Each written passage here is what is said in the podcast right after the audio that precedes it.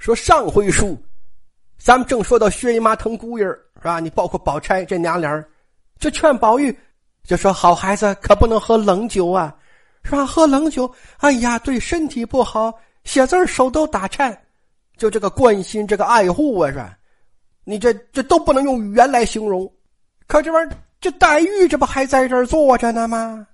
好说，黛玉今天本来就过来就是奔着捉奸来的，是吧？就这意思啊，就奔着打这个架来的。结果，你就在黛玉眼前表演呢，你这不是火上浇油吗？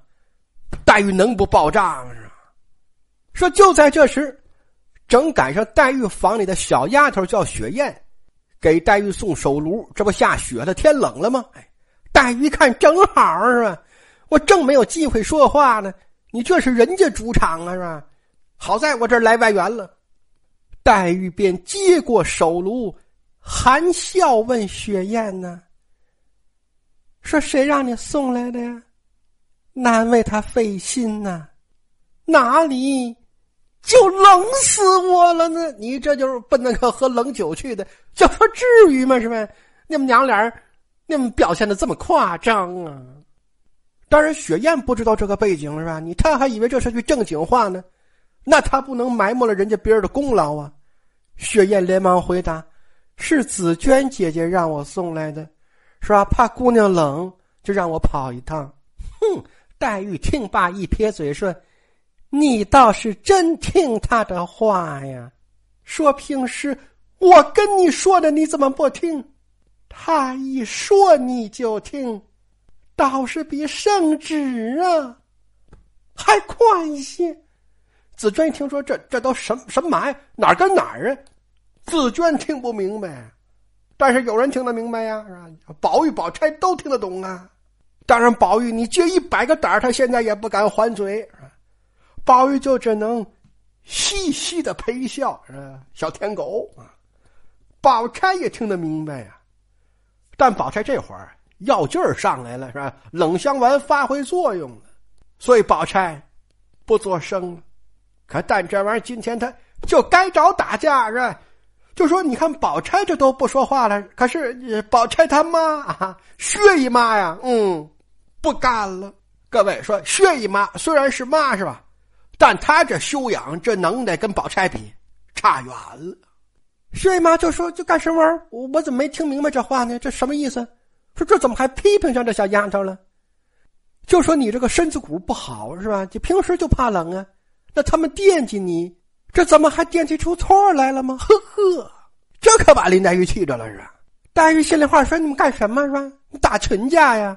你老太太欺负小孩啊？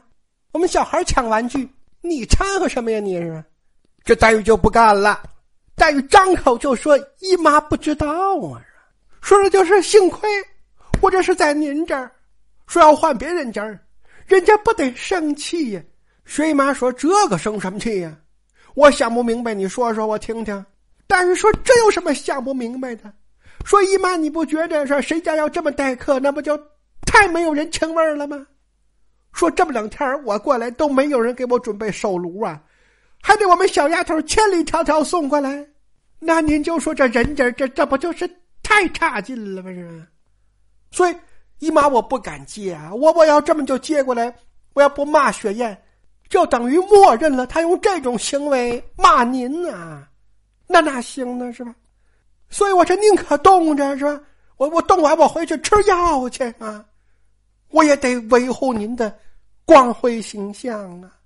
所以姨妈，您就看在我这么孝顺的份上吧。哎呀，您可别怪我们雪雁了，是吧？说他这可真不是诚心的小题大做，让您难堪啊！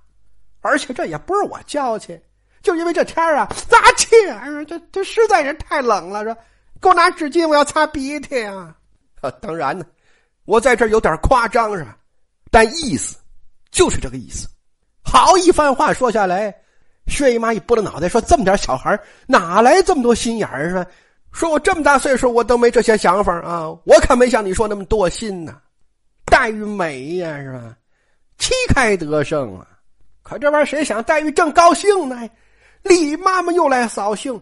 李妈妈说：‘宝玉别喝了。’宝玉说：‘妈妈，我再喝两杯就不喝。’李妈妈说：“不少了，别喝了啊。”说：“别忘了，你爸爸今天可在家，是吧？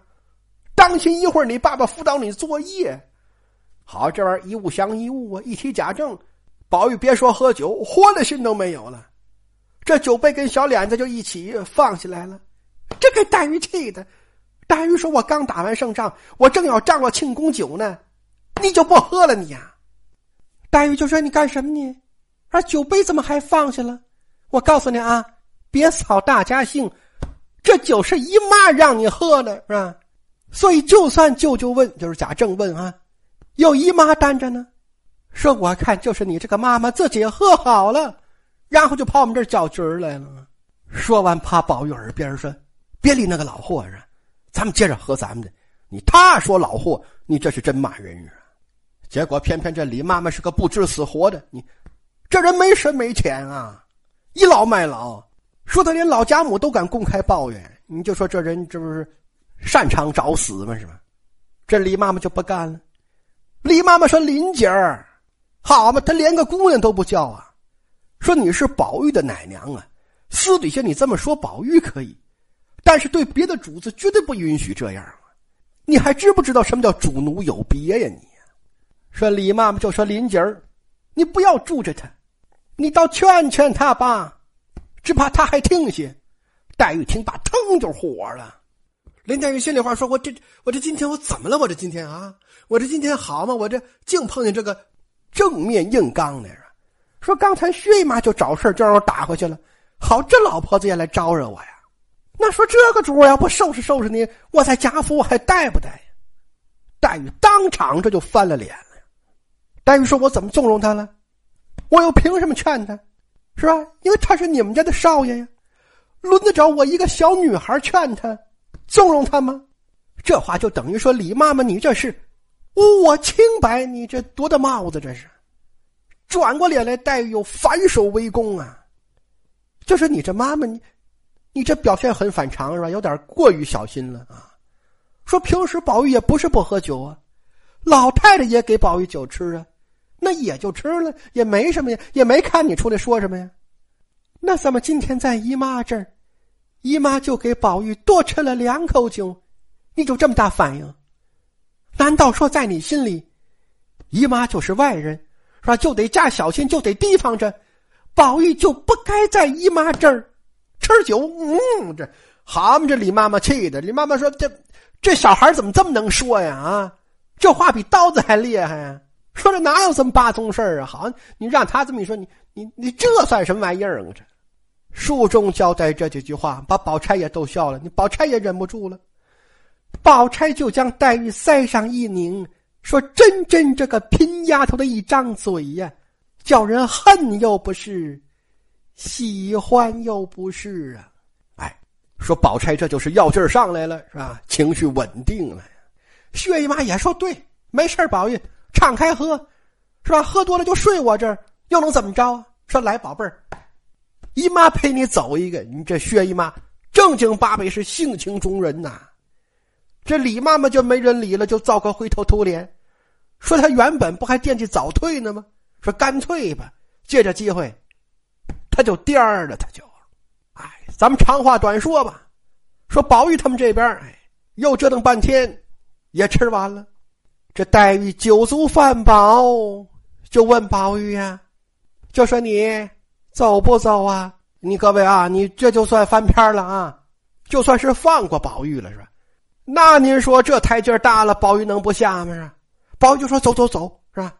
咱们一起走。你看会说话，就说我跟宝姐姐没有什么单独的私下要说的了，我还是跟你一起走要紧。”嗯，黛玉心里美，说宝玉的小丫头，这就赶紧拿过斗笠来给宝玉戴呀。说各位，这个叫斗笠啊，但其实就是个帽圈它没有顶因为宝玉脑袋上戴的这个装饰物还挺多的，是吧？宝玉伸脑袋就等着套着圈谁想小丫头业务不熟练是吧？套的不好，宝玉着急呀，说：“你这么慢呢？万一林妹妹一生气，抬腿先走了怎么办呢？”所以宝玉说：“得了，我自己来吧。”结果谁想黛玉真着急了，黛玉站炕沿上就喊了一声：“说啰嗦什么？过来，我瞧瞧。”这宝玉就乖乖的把脑袋就伸过去了。黛玉用手整理了一下宝玉的头发，轻轻拢住束发冠，把梨眼掖进抹额里，又将一颗核桃大的酱绒簪缨扶起，颤巍巍露于里外，这才仔细端详端详，说好了，披上斗笠吧，呵，这一环一抱是吧？哎，这就轮着宝钗瞪眼看了。各位，你就说这玩意儿招人恨不招人恨是吧？不光宝钗烦，那小丫头老妈子谁不烦呢？是吧？就说哪有主子抢丫鬟活干呢？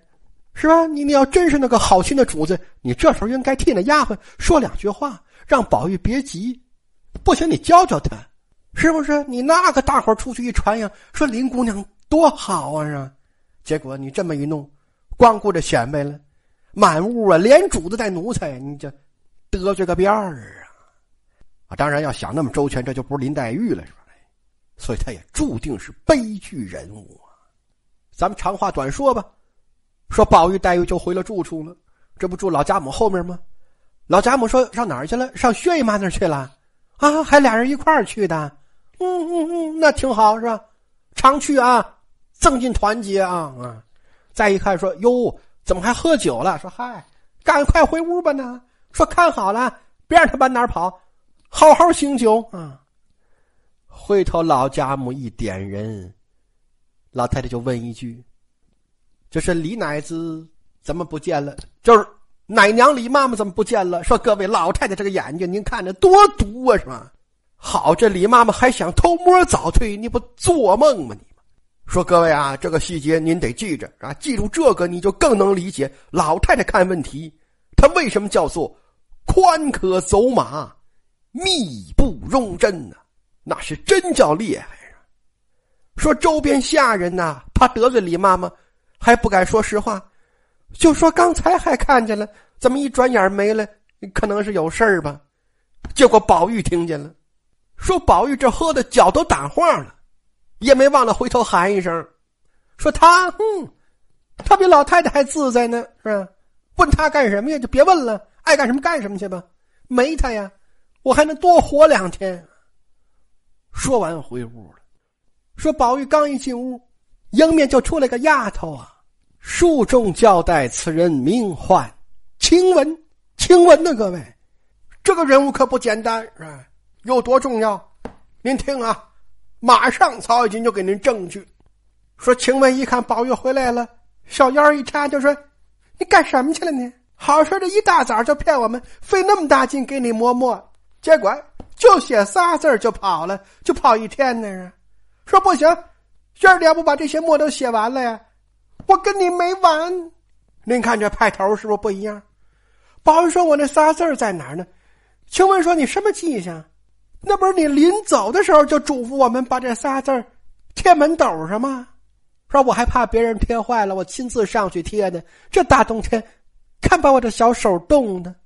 宝玉说：“是啊，那来来来，我给你暖暖。”这过来就抓晴雯小手啊，说就在这时好嘛，一闪身，这门口又进来一个人，书中交代不是别人，正是黛玉啊。好嘛，各位，你要按咱们今天想是吧？你这黛玉看见这个不得疯了？说你今天要干什么？你说，你看完姐姐，你又拉丫鬟呢？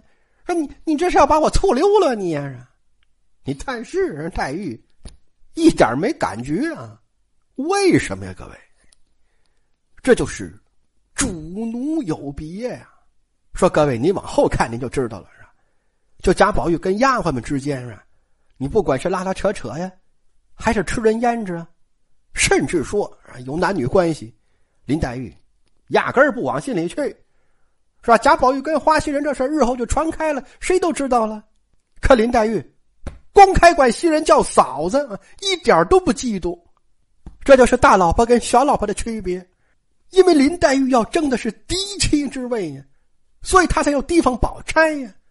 至于说丫鬟们，那那能威胁着我们是？所以那就爱怎么着怎么着啊。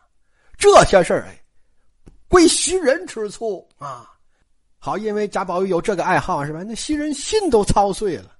日后说看见谁帮贾宝玉洗把脸，你都能把袭人气哭了啊！所以宝玉这看黛玉进来，这一点都不怕，这还挺美呢。